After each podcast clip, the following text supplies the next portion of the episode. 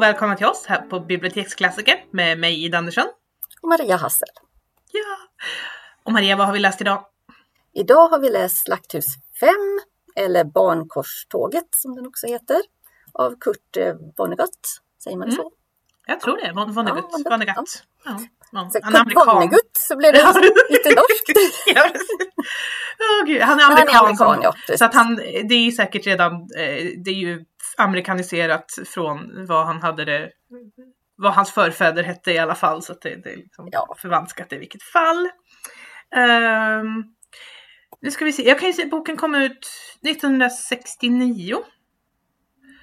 Och eh, den skildrar ju det är ju Vonneguts uppgörelse på ett sätt med sina krigsupplevelser.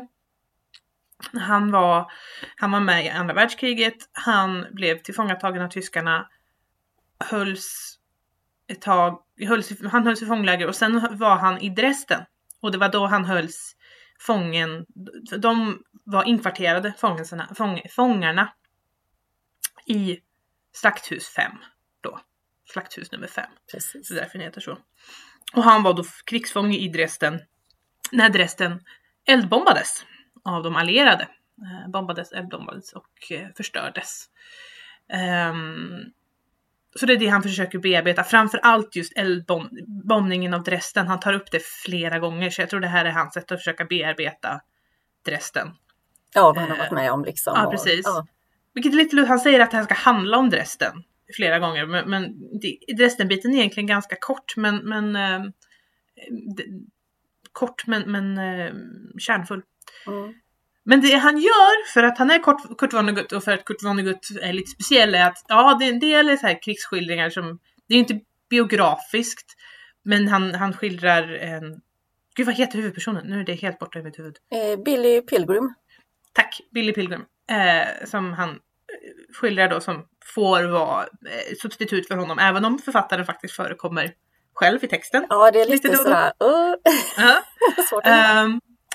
Men det han gör är att han gör det även till en science fiction-roman därför att Billy Pilgrim har vad säger man på svenska? Jag har läst den på engelska och där säger han Billy Pilgrim had come unstuck in time.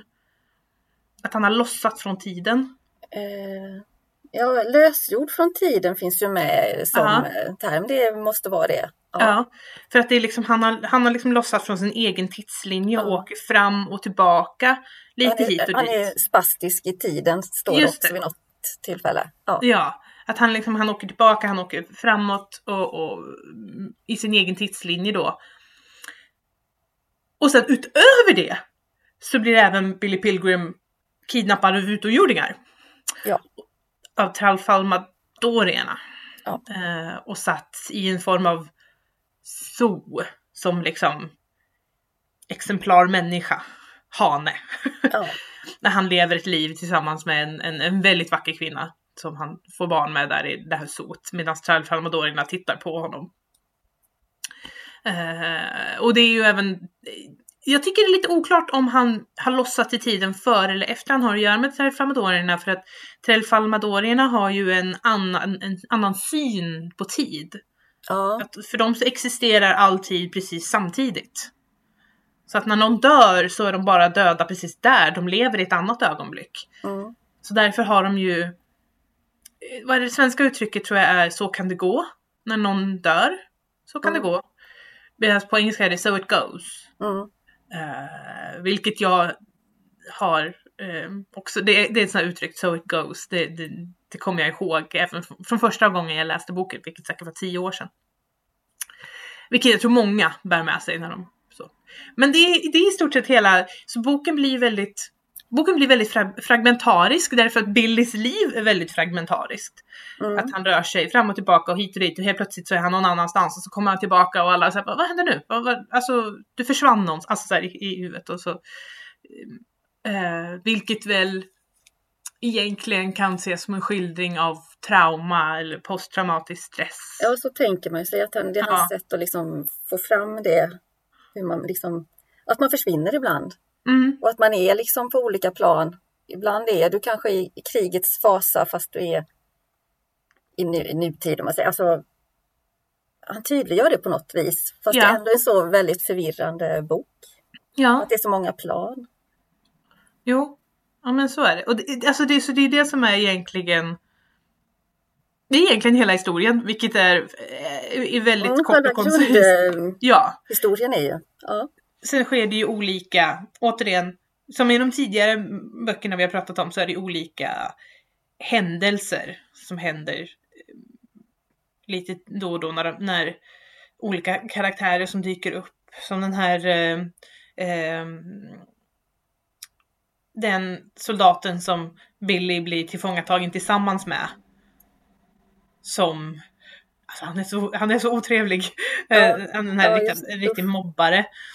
Eh, som, har- men som blir tillfångatagen tillsammans med Billy, som hatar Billy och som i sitt huvud, den här, man, den här mobbaren då hade byggt upp i sitt huvud att han och de andra killarna i den lilla gruppen som de var, att de var de tre musketörerna och de skulle vara liksom, ja, de var ett team och allting sånt där liksom. Medan de andra i den gruppen, de tänkte inte ens på honom överhuvudtaget, men i sitt Nej. eget huvud är det liksom så här grandiost. Och sen, de andra i gruppen blir avrättade. Det är bara han och Bi- Billy som blir tillfångatagna. ja, precis. Men av någon anledning, om han har blivit sjuk eller skadad eller någonting, så dör den här mannen under fångtransporten. Och han då säger till alla runt omkring att det är Billy Pilgrims fel. Att han har dött. Ja, jag skyller att- allt på honom. Ja precis, skyller allt på honom och att han... De måste lova honom att de ska ha ihjäl Billy Pilgrim. Ja, det blir en stor grej liksom i det. Ja, precis. Vilket senare faktiskt leder till Billy Pilgrims död, men långt, långt, långt, långt, långt senare liksom. När han faktiskt är mycket äldre. eh, och har levt ett fullt liv. Eh, och Billy Pilgrim är även medveten om att han att det är någon som ska ha ihjäl honom. Ja, han, vet- han vet ju det liksom med sig hela tiden eftersom han är så här spastisk i tiden. och mm. vet.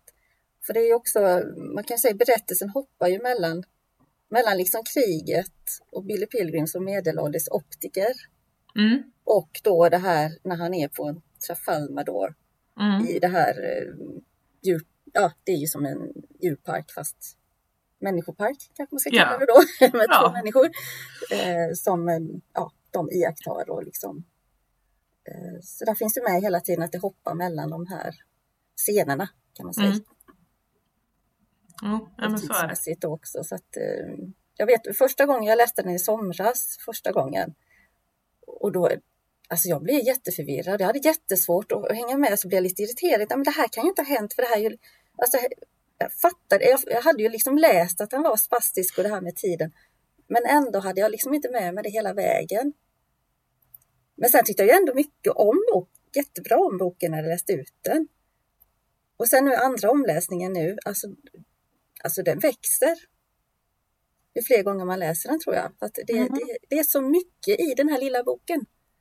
Ja, för den är ju inte, inte lång alls. Nej, den är inte lång och egentligen inte svårläst. Det är liksom Nej. inte det, utan det är just det här hoppen och liksom tiden Mm. och eh, att det blir lite förvirrande. Ja, och jag tror på ett sätt, går du in i den och, ska, och förväntar dig att den ska vara en ren krigsroman så tror jag då, då, om du är van att läsa den typen av böcker och det är det du förväntar dig, då blir du förvirrad. Men är du van att läsa science fiction och fantasy så kanske du är mer lite det här att okej, det här Då är är det, det som lättare händer. att ta det till dig. Liksom. Ja, för när du ska läsa science fiction och fantasy får du ofta ehm, tycker jag att då får du ofta, eh, du börjar läsa någonting så jag vet inte vad som händer just nu, men jag kommer Mm. förstå det så småningom. De kommer Precis. förklara sen. Ja. Eh, att det, det är det man får ha liksom, jag hänger med tills jag förstår. Liksom. Och jag det, hade det, inte det med mig i första läsningen att Mm. det var liksom en science fiction. Alltså det är en mix mellan, Ja, vad säger man, antikrigsroman och Mm. science fiction kan man väl kanske säga. Och, och det hade jag inte med mig då riktigt att det var.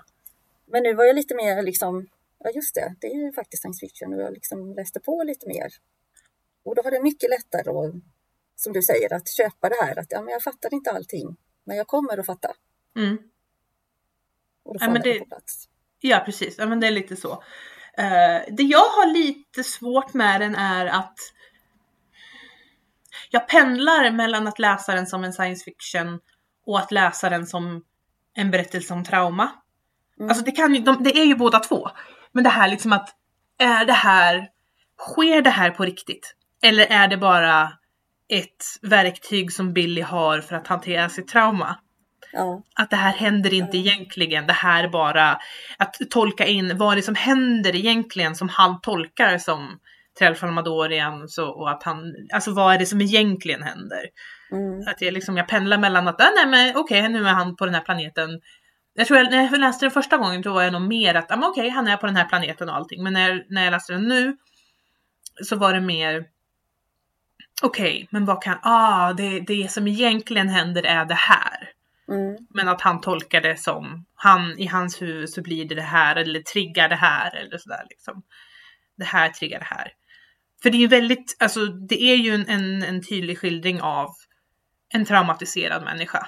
Mm. Och det, är det känns som ett sätt för Vonnegut, för han, han, alltså hela det här, boken börjar ju med det första kapitlet som jag tycker mer är ett förord än Ja. ett kapitel i boken. Ja. Och det är ett väldigt, det är en väldigt, ett väldigt intressant kapitel för det är när Vonnegut, då är han inte alls, då är det ingenting med Billy Pilgrim, ingenting utan då är det bara Vonnegut. Mm. Och Vonnegut som berättar om hur han åker och träffar en gammal kompis från krigstiden. Och det, det kommer jag ihåg så tydligt från första gången jag läste den, hur kompisens fru reagerar, hur hon är förbannad Ja, på hon är så Vonnegut. himla ilsken och Ja. arg. Går och slamrar. Ja, riktigt, riktigt arg. Och till slut kommer fram till att det är för att hon tycker inte om att han ska skriva om kriget, hon ska prata om kriget och skriva om kriget för att hon säger ni var barn, ni var små, you were babies. Mm. Säger hon liksom att det, det är liksom man kan, ni hade ingenting där att göra. Eh, varav det då, ja men vi kan, vi kommer, jag kommer kalla det barnkorståget liksom. Mm. Eh, för att, nej men det var barn. Vilket är en sanning med modifikation. Just för honom kanske det var, men på det stora hela så var den amerikanska soldaten var nog äldre än de flesta andra soldaterna i kriget för att de rekryterades äldre, tror jag många av dem. Ja, jag tror det. Um, Medan de andra soldaterna, de länderna som blivit invaderade och även mot slutet de tyska soldaterna var ganska unga. Mm. Ehm, men, men ändå. Eh, och det, det kommer jag ihåg att det, det sätter lite grann tonen också att det här är en antikrigsbok. Det handlar om Ja. kriget men det är, eh, det är väldigt Det anti. är ingen sån här glorifiering utan det är liksom mer så här hemskt. Ja, Det, det här är en upplevelse liksom. ja. Och egentligen är det inte så mycket en krigsskildring heller. Den enda krigsskildringen som finns är ju skildringen efter bombningen av Dresden. För allting annat, han tillfångatas ganska tidigt. Vi börjar nästan med att han blivit... han har ju så det- precis kommit till Europa ja, väl? Och han har inte ens Ja. fått ut sina eh, kängor och liksom, han går i lågskor och allt det här. Mm. Det är därför han får så konstig utstyrsel för han eh, får ju plocka på sig kläder Ja. från andra liksom. och precis. Han ser inte ut som en riktig soldat kanske utan han, eh, ja, det är ett hopplock. Ja, nej men det, är- det är lite så och det är ju för att han, det, så det är snarare en skildring av liksom att vara krigsfånge än att vara soldat. Ja, Eh, och jag vet inte hur trovärdigt det är heller, men jo, jag tror ändå ganska liksom en amerikansk krigsfånge i tyskt läger. Eh, mot slutet av kriget.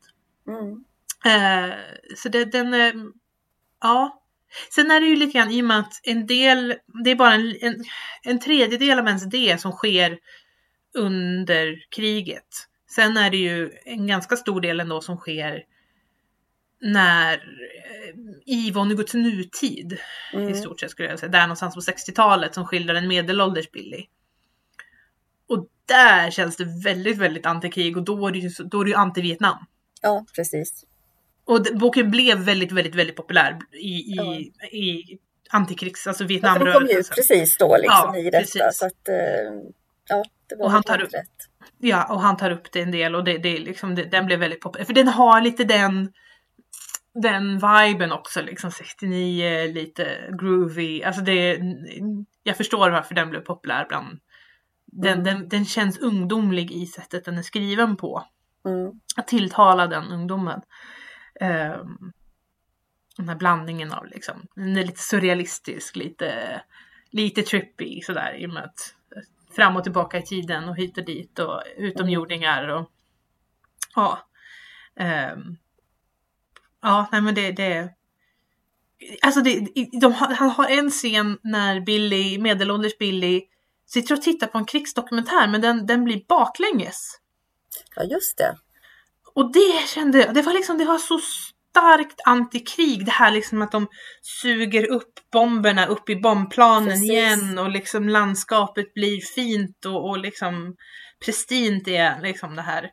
Och det kändes så väldigt, väldigt antikrig. den, ja, jag håller med, för den, det, det kommer man ihåg precis. Alltså det, var, det, det var så filmiskt på något vis. Mm. Som han eh, berättade, att han tittar liksom baklänges och vad som händer. Och, och, och man ser ju verkligen, ja, men det, det blir ju så. Så jag tycker jag, ja, det, jag skulle gärna se filmen, jag har inte gjort det. Har du gjort det? Eh, jag ska, nej det har jag inte gjort. Det har jag inte gjort. Den Nej. har jag, för den kunde jag inte hitta. Vi har den inte på biblioteket, den fanns inte på cineasterna. Och jag tror inte det fanns på någon av de strömningstjänster jag har heller Nej. så att jag har inte hittat den. det har varit jättespännande att se vad de får Mm. ihop. Eftersom den är som den är så Ja vad man väljer att liksom skildra. Ja. Man kan ju säga att den här, det kanske jag sa, men att det, det är Slakthus 5 som Vonnegut är mest känd för. Han har gjort andra, eh, andra böcker både före och efter, men det är den här som han blev mest känd för. Och slog igenom med riktigt ordentligt. Eh, det finns ju saker som återkommer i andra böcker sen också. Eh, bland annat, nu ska vi se, den här författaren, eh, Kilgore Trout. Just det. Han är väl en sån som dyker upp. Ja, precis. Han återkommer liksom. Och jag vet inte om han ska vara någon form av substitut för, eh, för Vonnegut eller om, om han bara är en sån här karaktär som han återkommer med. Det står någonstans, läste att det är hans eh, alter ego. Den här Kilo Trout. Mm. Ja, jag tror jag också läste det Mm. någonstans. Ja, men just, men, men utöver Kilgore Trout så har vi ju just det här i den här boken och jag har inte läst med andra av, av eh, Vonnegut så jag tror inte det sker i andra, men just det här att han, han nämner någonting som händer. Att någon säger någonting och sen säger det var jag, det var jag som sa det. Mm. Och då är det inte bara fantastiska saker utan det är liksom Nej, det är det som är lite kul. Att det, ja, på Det- bägge håll. Ja precis. Det var jag som gjorde det här, det var jag som gjorde bort mig då. Det, det är liksom, that was me. Ja. Eh, så. Så att det, det, ja. Den här han har, han börjar, börjar han hela boken eller börjar han andra kapitlet med att på engelska är det All this happened, more or less. Alltså allt det här har hänt. Ja, mer eller det. mindre. Mm. Ja, det kommer jag inte ihåg riktigt vad. Ja, men det, Men det, det är det början, är början. någonstans. Mm. Och det tyckte jag också var lite så här. Ah, det, det, ja, det är, det är lite halvt självbiografiskt. Och, I och med i första kapitlet han pratar om att han ska skriva den här boken. När han pratar med sin förläggare och Precis. allting. Och liksom hur han, då säger han jag ska skriva en bok om Dresden. Jag ska Mm. skriva en bok om Dresden. Jag måste skriva en bok om Dresden. För han är... ehm, Okej, jag, jag, när jag hade läst färdigt den här boken så var jag tvungen att liksom researcha mer. För jag hade hört om det, eller jag hade läst om det förut. Jag tror de- delvis är det ett utslag av att eh, Vonnegut var där och är väldigt traumatiserad av det han såg. För det måste ha sett. Det måste ha varit fruktansvärt. Fruktansvärt, ja. Ja, verkligen. Men grejen är den. Att det han skriver om, de siffrorna han tar, det han säger. Det är nazistpropagandan han använder. Mm. Han säger bland annat att ah, men det är värre än Hiroshima och det vet man inte och det var det inte. Ehm, när Dresden hade blivit bombad. Det är bara det liksom, ah, men de skulle inte bomba Dresden. Dresden var inget militärt mål. Det fanns bara, jo, det fanns vapenfabriker i Dresden. Det var en järnvägsknut. Sen att de inte bombade de militära målen. De allierade det är en annan femma. Och sen det här fruktansvärda med att de först bombar dem så de öppnar upp allting och sen släpper de brandbomber efter det som bara... Den bränner ner. Ja, precis. Den taktiken kom nazisterna på. Och sen bara de allierade använde den. Mm. Ehm, sen är det här att det fanns inget luftvärn, det fanns knappt några skyddsrum. Det var nazisterna som inte hade gjort i ordning det. För de tänkte, men Dresden är så vackert så det här kommer aldrig bombas. Så vi behöver inte försvara staden. Det är inte de allierades fel. Ehm, att nazisterna inte beskyddar sina egna städer. Eh, sen kan man diskutera att terrorbombning funkar inte historiskt sett. Men, men även där var det liksom, om man ska vara sån, nazisterna började. Ja. Eh, men, men ändå.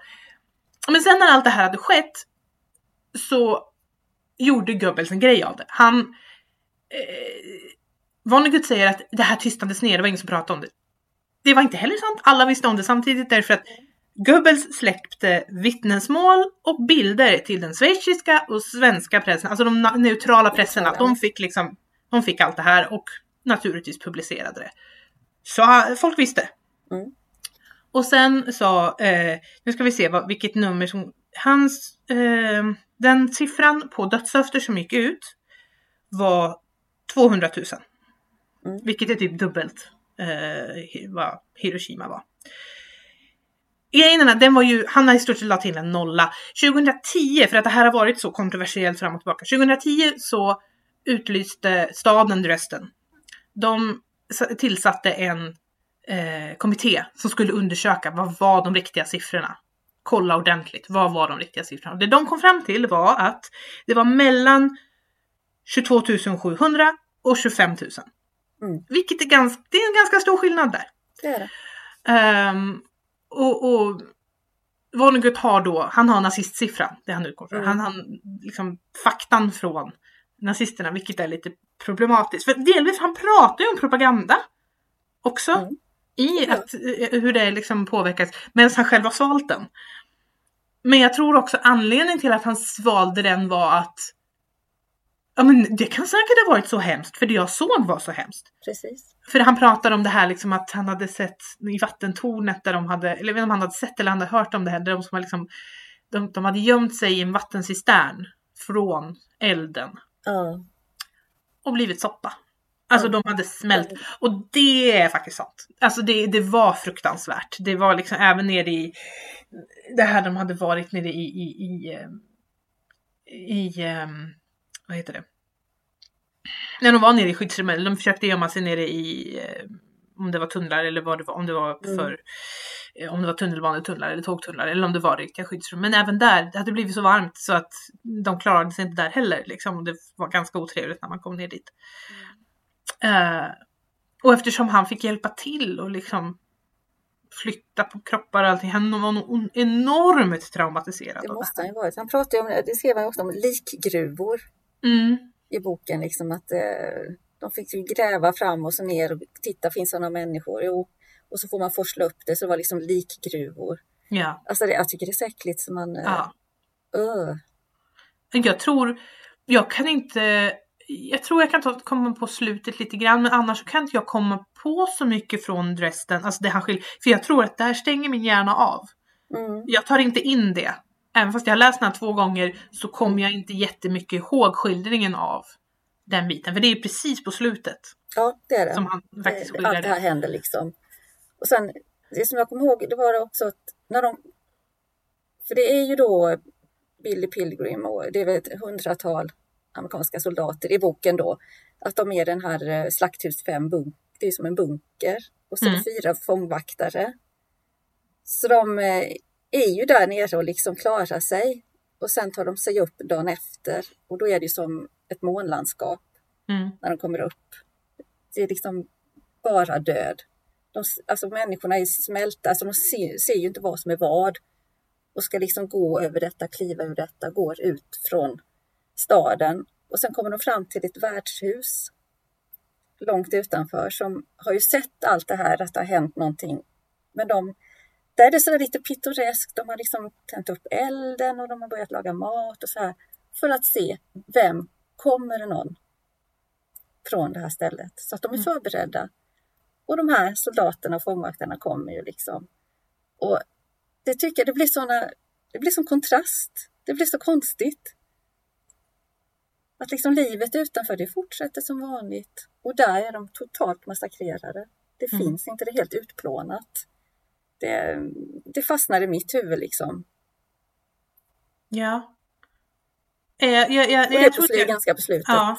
Mm. jag tror att jag kan ta in det för att det är liksom mycket så här att men jag kommer inte riktigt ihåg det här liksom. Nej. Men jag måste ju ha läst det. Men att det är liksom min hjärna har liksom bara nope! Nej, vill inte ha detta. Nope. Det, det var som, eh, det Ja. bara rann av mig. Som vatten på en gås.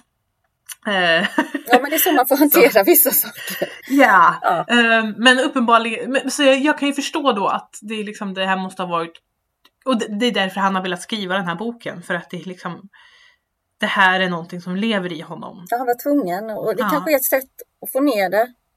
Den här boken, Ja, bearbeta det, även om han skriver liksom på ett helt annat sätt än vad, Mm. hur det var så, så kanske han blir av med någonting Mm. på det viset. Känns det som. Ja. Att det är det som är målet. Att jag, jag, som man säger hela tiden upprepar, jag måste, jag måste, jag måste. ja. Men det blir upp- liksom ingenting, det är så svårt, det, det, han får inte till Ja. någonting. Nej precis. Alltså, det är mycket upprepningar i den här boken. Det är det. Vilket också är liksom en, en, kan jag känna ett tecken på det här PTSD. Alltså, för det är Mm. det som är frågan. Han visste att han måste få ner det här. Han visste att han måste skriva det. Och det är ju ett sätt att bearbeta det. Men då är frågan. Är han medvet, är det medvetet skrivet som att det blir liksom en skildring av posttraumatisk stress? Eller är det bara att hans egen posttraumatiska stress gör att det här är enda sättet han kan skriva det på och då blir det en skildring av det? Mm. Ja, Just det här, ja, med det här med, med upprepningarna delvis, eh, så kan det gå, som upprepas liksom. Eh, och sen har han även, han, han skriver om, nu ska jag se, jag skrev ner det för jag reagerade så starkt på, han heter eh, Blue and Ivory Feet. Alltså blå och, vad är det, elfenbens, blå och vita fötter, Ja, alltså det här, här Ja, mm. fötter på, när de är kalla, när de är på, även Det på kommer lik. fram flera gånger. Ja, det, det känns som att han, upprepas. han har sett det för mycket. Ja, precis. Det, här, det, är en, det är en Mm. bild som finns. Och även tror jag, men, men det eh, han upprepar det och det är liksom några saker som det här att han ser fram, han berättar framåt vad som kommer hända lite. Alltså det här, Mm. det spastiska i tiden, eh, det här eh, fabulösa med Trellfamedorierna och sen de här upprepningarna av vissa saker som man känner att det där känns nästan som en blixt av någonting en, en, en, en blixt av någonting så du kan se att du blir triggad av någonting och så ser du det här. Eller när du ser det här så triggar det någonting. Det, det, det kände jag med de här fötterna, att det, liksom, det där är någonting som liksom det, man ryck, det rycker till liksom. Ja. Att det, det är någonting som triggar. Så då är liksom frågan, tänk, var det medvetet eller var det bara så att det här var enda sättet han kunde berätta om det för att han själv är så, det är så han Ja. ser verkligheten för att han är så eh, traumatiserad av det själv. Ja, det är synd att vi inte har honom här. Det, det, vore, det vore en ganska go, go, stor grej med tanke på att han är död. ja. Ehm, att ha Ja. det som äh, gäst. Eh, jag vet inte vad, alltså det, det, det är ju, det finns, jag har läst lite om den och då var det ju som att den är ehm, Ja men den skildrar PTSD men det, står, det är liksom ingen som har spekulerat i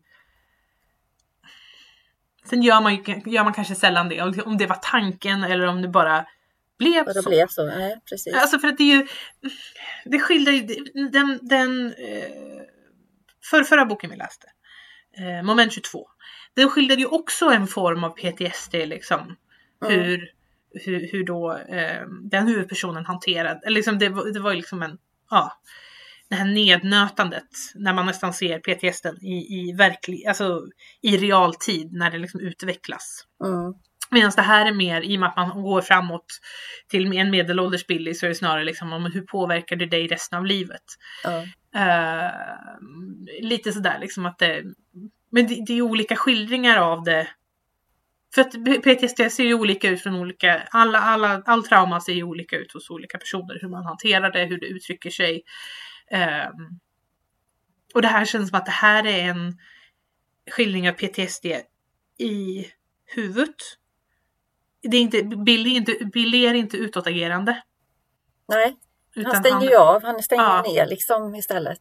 Precis, allting sker i hans Mm. huvud. Det är liksom vad han själv ser och det, det, det är snarare det. Medans ehm, i moment 22 så var det ju väldigt utåtagerande. Ja, Den, ett helt annat sätt. ja. Eh, och då fick man ju även, den var ju även smygande, vi sa ju det att det liksom, man själv drogs med i det, den här liksom traumat, hur vi reagerade på boken. Och det känner jag inte riktigt, här är mer illustrerad PTSD. Att vi ser det spela vi ser en PTSD utspela sig framför oss. Snarare än att vi tvingas vara med och känna frustrationen. Mm. Ja, men det är nog sant. Um, nu känner jag liksom den här. Sen tänkte jag en annan som var väldigt intressant, en annan eh, ehm, spegling just med moment 22. Att i moment 22 så släpper de bomberna. Och Ja, här ser vi bomben, när bomberna har landat eller när Precis. bomberna landar. på två olika håll liksom. Ja precis. Ja. För att det är ju, visserligen var, de var ju nere i, i Italien så det var inte, men det var ju de allierade som bombade liksom Vonnegut. Ja. Det var ju, det var ju inte, han Ja, det var det ju. Eftersom han var Ja, krigsfånge så var han ju liksom på fel ställe så att säga. Ja, precis. Ja. Så att det, ja. Eh, det var lite intressant, bara, Ja, men det är det. bara sådär. För vi måste ju jämföra, eller ja, i och med att vi har gjort så här med, med temat så, by- bygger, så kan vi ju jämföra de olika böckerna allt eftersom eh, vi jobbar oss igenom det. Och den Ja. förra var ju helt annorlunda, alltså Okänd soldat var ju helt annorlunda från den här. Den var ju mer ett en skildring av ett den var ju mer en, en krigsskildring verkligen. Ja, verkligen en beskrivande liksom, berättelse så. Där på plats. Inte, Mm. Inte det här urflippade alls. Nej, Som det finns Nej. både i moment 22 och i den här. Alltså det, det, det finns ju inte med där alls. Nej. Sen kan man ju undra om det beror på hur pass snart efter kriget den var skriven. Mm. Hur pass mycket författarna själva har lyckats bearbeta sina upplevelser och förvandla det till någonting annat. I vilket samhälle de levde i efter kriget, om det var okej att bearbeta det på ett visst sätt eller om det bara var... För det nämnde vi ju att Linna, eh, eller jag tror vi nämnde det i alla fall, att Okänd soldat öppnade upp att man började prata om kriget i Finland igen, vilket man inte hade gjort förut. Medan vi kan ju inte säga att man inte pratade om kriget i USA efter freden. Sen att man pratade om olika aspekter av kriget, Mm. kanske en annan femma. Men jag tror inte att varken Heller eller Vonnegut öppnade upp ett samtal som inte hade funnits Nej, förut. Det tror jag inte heller. Utan det, Så att båda de hade liksom en, en, en annan möjlighet tror jag att bearbeta sina upplevelser och göra det till någonting annat än vad Linna hade. mm. Ehm, och då, sen kanske de hade, det är också, man kan ha olika grad av traumatisering, vad man liksom, hur mycket stress din konstitution klarar eh, och vilka situationer du hamnar i. Eh, så, för ja, så, så att det, det är ju, så det har varit vi sa ju det för att vi skulle gå tillbaka till någonting helt annat nu och det är så vi går tillbaka till den, den, den väldigt traumatiserade soldaten.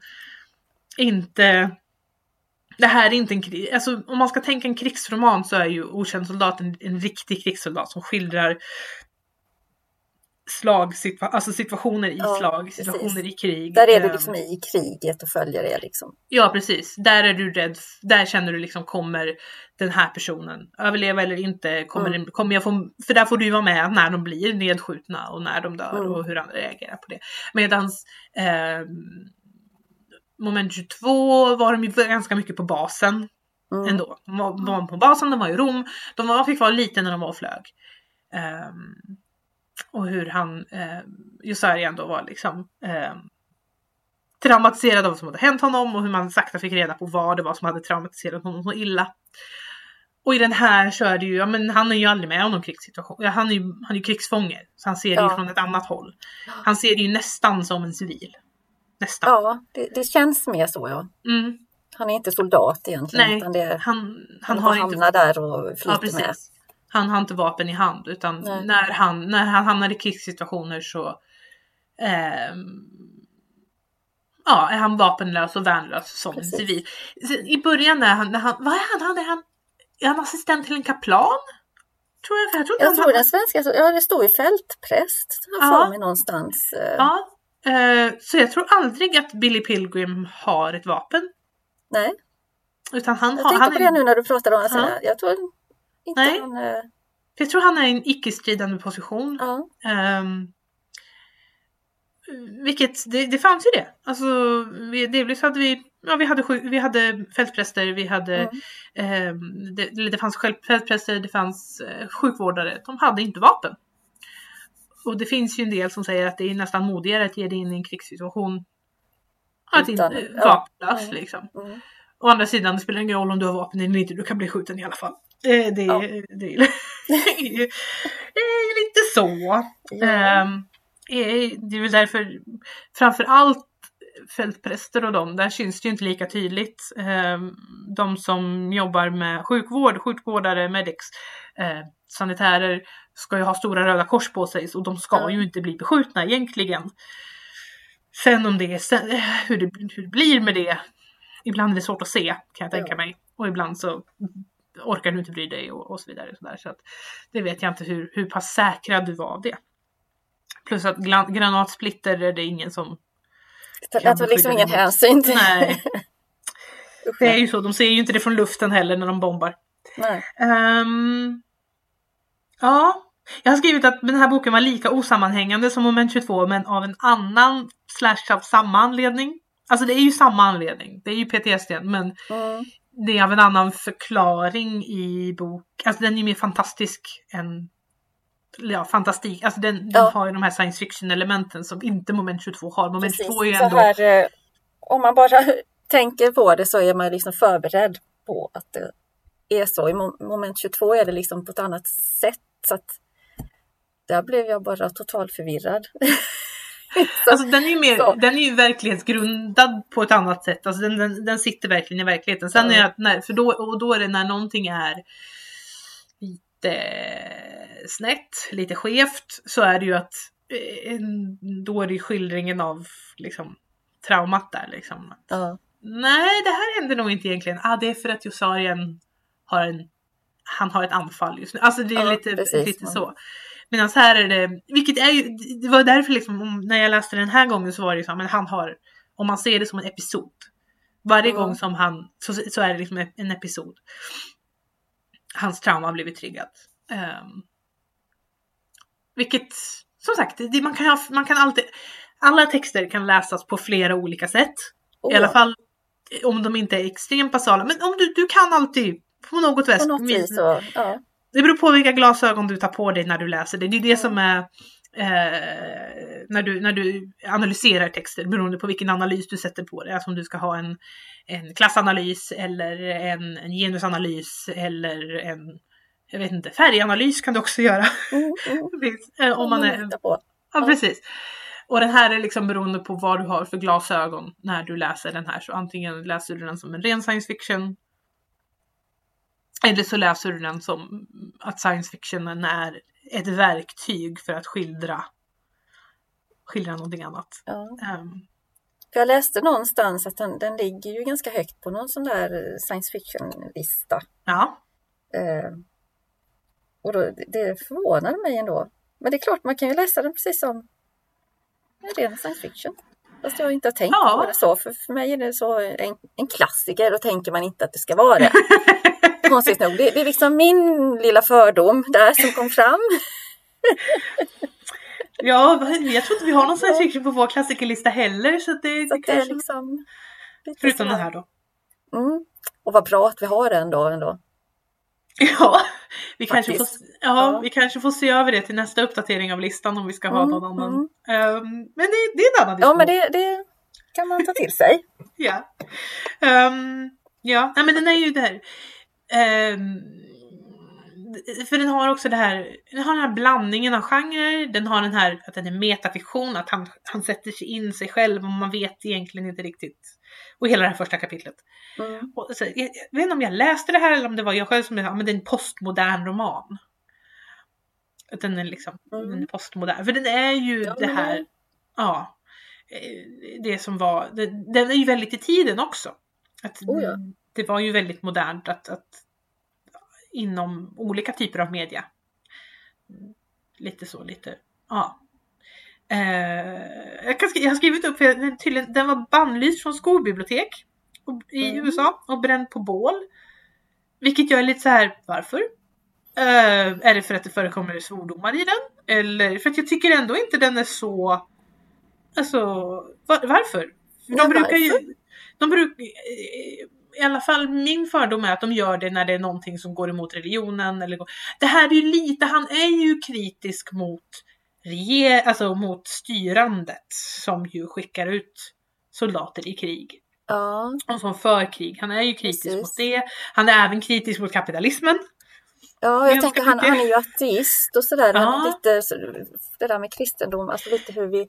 Om det är lite det också som väger in. Ja, om det är utomjordingarna kanske som gör det också. Eh, Utomjordingarna skildrat dem som Ja. verkligen, och sen det här skildringen av att döden egentligen inte spelar någon roll. Nej, alltså det tror jag är ajabaja, så får man ju Ja. inte liksom vara lättvindigt och liksom... Nej, det kanske inte föll i god ton helt Kan. enkelt. Kan vara. Ja, det, det, det, det var säkert en blandning. Säkert. Alltså bara alltihop. Nej, nej, nej, nej, nej, nej, nej. Bort med den. Ja. Ehm, Men det är lite intressant ändå för att eh, mm. Ja. Är det... Ja. Är det är en intressant bok. Ehm, det är det det är verkligen. det. Får in mycket på väldigt, väldigt kort tid. Ehm, väldigt lite, väldigt få sidor ändå. Och det tycker jag om när det är sådär kort bok. Jag, ty- jag tycker inte om de här jätteböckerna, tjocka, det är bara liksom Ja. bajseri utan Ja, du vet, eh, vissa. En del Mm. måste ju få vara tjocka men eh, ibland är det liksom onödigt mycket ord. Mm. Och här tycker jag han har fått med så mycket Ja, på så liten, ja han liten bok. väldigt, väldigt koncis. Mm. Väldigt Och så. det, det är en konst att Ja. Få ner en text på det viset. Definitivt, definitivt. Ehm, Det, mm. så det är som, som fler eh, författare kunde ägna sig åt kan man tycka ibland. Ja, men lite. Ehm, för att Det, det, det, det, lite grann och ja, gräver. Måste jag ha med alla de här orden här eller kan jag ta bort det? ja. Alltså det är lite intressant det här att folk, ja men den, den stora romanen jag skrev och då det, tänker man ofta så här, men det här eh, alla de ryska författarna, alltså Tolstoj, Mm. Dostojevskij, de skrev riktigt tjocka romaner. Sen att de kan vara lättlästa ändå, liksom och så här, men det är, liksom, det är antalet ord som Det är viktigt Eh, att det är liksom ja. ett stort verk. Ja precis. Å andra sidan, det som oftast betraktas som egentligen den stora amerikanska romanen är ju Den store Gatsby. Mm. Och den är inte lång. Ja, den är liten och Den är, den är en liten fluttsak. Eh, och den här är också väldigt eh, högt skattad. Jag tror den här ändå är... Jag tror Slakthus 5 är mer känd och mer populär än Moment 22. Även fast Moment 22 har blivit ett uttryck. Ja. Så tror jag fler har koll på, på I alla fall 5. som jag upplever det så lånas den betydligt Mm. mer på biblioteket Ja. än moment 22. Och jag, tror- jag att göra med hur tjock den är. Mm. För moment 22 är längre och tjockare. Men sen är det också, den är mer lättläst än moment 22. Moment 22 är inte nödvändigtvis svårläst men som vi pratade om då, den, man, man orkar inte. Det kräver ju ändå en del Ja. av dig att orka igenom. Precis. Medan Sen den är den, här... också, den har en bra story, alltså den är bra Ja. också men eh, den här är liksom mer lättillgänglig då. Mm. Ja den är väldigt, Om väldigt man då lättläst. köper det här att det är lite Ja, precis, och precis. tidshopp. Eh, Det kan ju bli lite för ja, Mm. konstigt Nej, det- för en del också kanske men eh, man kanske ändå vågar testa. Vågar Ja. prova. Nej men precis. Eh, så jag tror den är... Och den kan tilltala yngre läsare mer också. Ja, det tror jag Så. definitivt. Vilket den ju uppenbarligen alltid har gjort. Mm. Eh, ja, har vi något mer vi vill säga om den? När har vi det? Jag har, mina anteckningar är, är färdiga. vi har gått Är igenom. färdiga? Ja, jag har gått igenom det. Jag, jag, jo, jag har en liten anteckning här ser jag nu. Som, just på, på tal om det här att han är, får med så mycket i en liten text och det är liksom Mm. en, eh, många lager. Att, eh, han skriver också någonstans att eh, de viktigaste följderna i krig det är att människor förlorar modet att vara en person. Och nästan inga personer finns i den här berättelsen, Mm. skriver han själv liksom. Men däremot en, det finns en person och det är Derby. Och han är med väldigt lite. Nu ska vi se, vem var Derby? Eh, det är han som, eh, han är lite, lite äldre soldat I, i skolläraren? som, eh, ja det är han väl, som säger ifrån vid något tillfälle. Det har jag glömt för det har jag inte skrivit upp. Är det Derby Eh, som blir eh, Och han avrättad? blir avrättad sen Ja. på slutet, ja också sådär bara för han råkade ta en eh, tekittel eller vad det var. Ja, Ja, någonting så sånt. väldigt onödigt och, och så blir han avrättad den stackars Derby. Ja, Nej, jag, nej, men nu kommer jag faktiskt inte ihåg exakt vad det var. Men det är vid något tillfälle som det blir liksom där han faktiskt höjer rösten och Mm. säger ifrån någonting. Nej, men han, och han då blir han, han vågar det liksom och, och det är väl att då är, då är han en person liksom, inte Ja. bara en i mängden som bara Men han är ju väldigt principfast. ja. Och det kan man ju också spekulera hur mycket det har att göra med åldern i och med att han är äldre. Han har jobbat ett Mm. tag, han har fått familj, han, har liksom, han, han vet vem han är. Mm. Men när du tar, din hjärna är ju inte färdigutvecklad förrän du är, vad är det, 23? 25? Ja, något sånt. Något sånt där. Mm. Och när du då tar pojkar som är från 18, de flesta var ju mellan 18 och 22 Precis. liksom.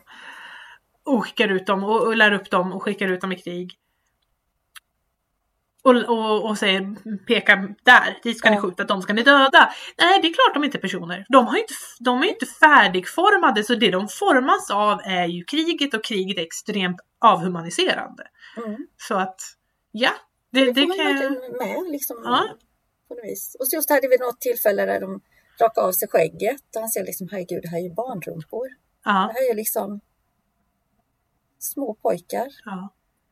För det syns ju inte där under skiten och skägg och allting. Liksom. Nej. Alltså, man tänker ju ofta att eh, soldater är gamlingar. Mm. Så. Men det, ofta är det ju inte det, utan det är unga pojkar. Ja. Och det tror jag är svårt också nu när vi ser tillbaka att se hur unga de var. För att när du tittar på bilder på soldater, även innan de har varit i kriget, liksom när de ska ut, Mm. en del tog ju foton liksom innan, eller man ser liksom familjefoton och sådär. Så det, jag tycker ofta att när man tittar på äldre foton så upplever man de människorna som äldre än vad de är därför att modet var annorlunda. Ja, De hade inte ett ungdomsmode på riktigt samma sätt som vi har idag. Och det, i den, den utsträckning de hade så var det inte likadant som det är idag. Eh, vilket gör att man uppfattar dem som äldre. Mm. De har liksom på sig kläder som man tänker att det här är äldre. Som man tänker att "Men de här är väl kanske 25, 30. Så, nej, det här är en bild på en 16-åring. Mm. Alltså sånt där. Och, och även hu- hur de eh, hur håret såg ut och liksom sådana Ja. saker. Man tänker att det här är äldre personer än vad de faktiskt är. Så att när vi idag som moderna människor ser tillbaka på eh, andra världskriget så tänker vi nog att de är äldre än vad de egentligen var. Mm. Vi Jo, men det tror jag. Det blir liksom det. Och det är därför man- man eh, ja, tänker liksom fel. På något Ja. vis. Nej, så det... Mm. Ja. Men som sagt, han får in väldigt mycket, uppenbarligen det här, det här är liksom, vi har haft en diskussion nu på ett par minuter när vi pratar om det här, liksom resonerar och han har typ en eller två meningar bara. Ja, Och får in allt det. Så att, väldigt, väldigt skicklig författare. Ja.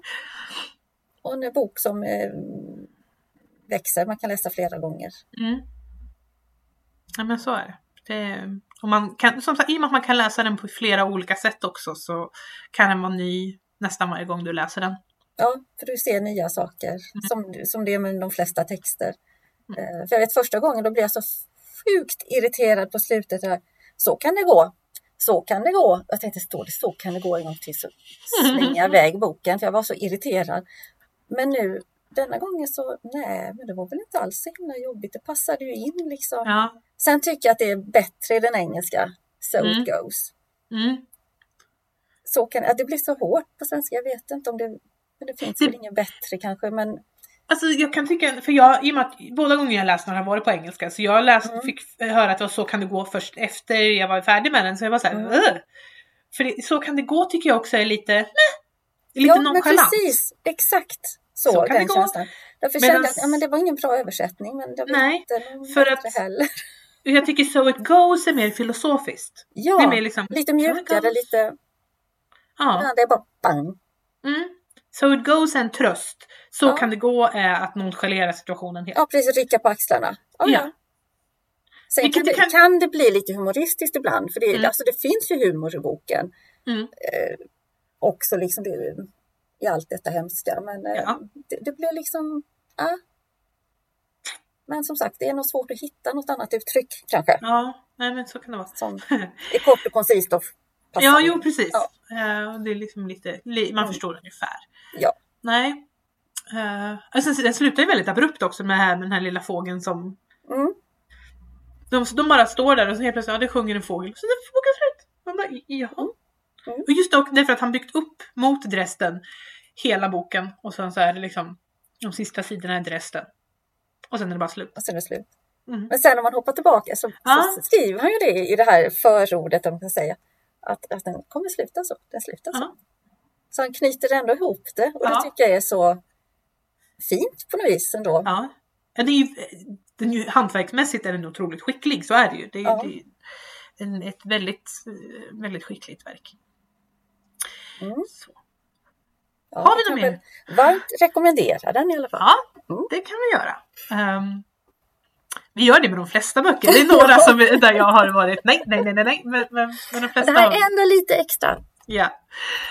Um, då är vi färdiga med Slakthus 5. Vad ska vi läsa till nästa gång? Nästa gång, ja då blir det väl den sista krigsboken Ja. så att säga. Fast nu hoppar vi till första världskriget. Ja precis, vi gjorde det lite fel ordning. För nästa Ja. gång ska vi läsa På västfronten det är inte ett nytt vilket handlar om första världskriget. Precis. Ehm, eh, Så det blir ju lite spännande.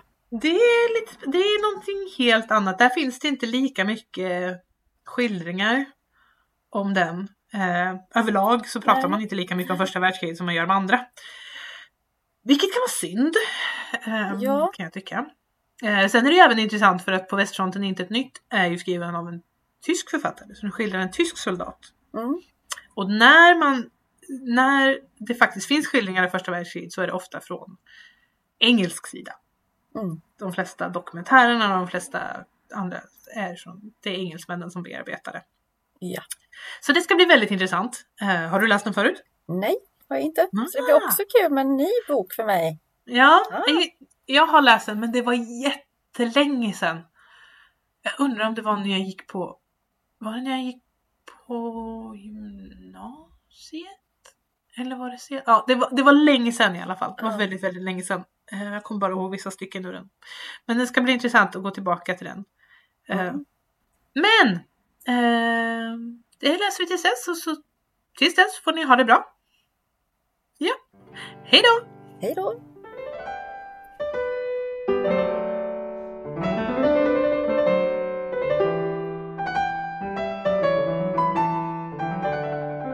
Du har lyssnat på Biblioteksklassikern med mig Ida Andersson och med Maria Hassel, en podcast från Gislaveds bibliotek.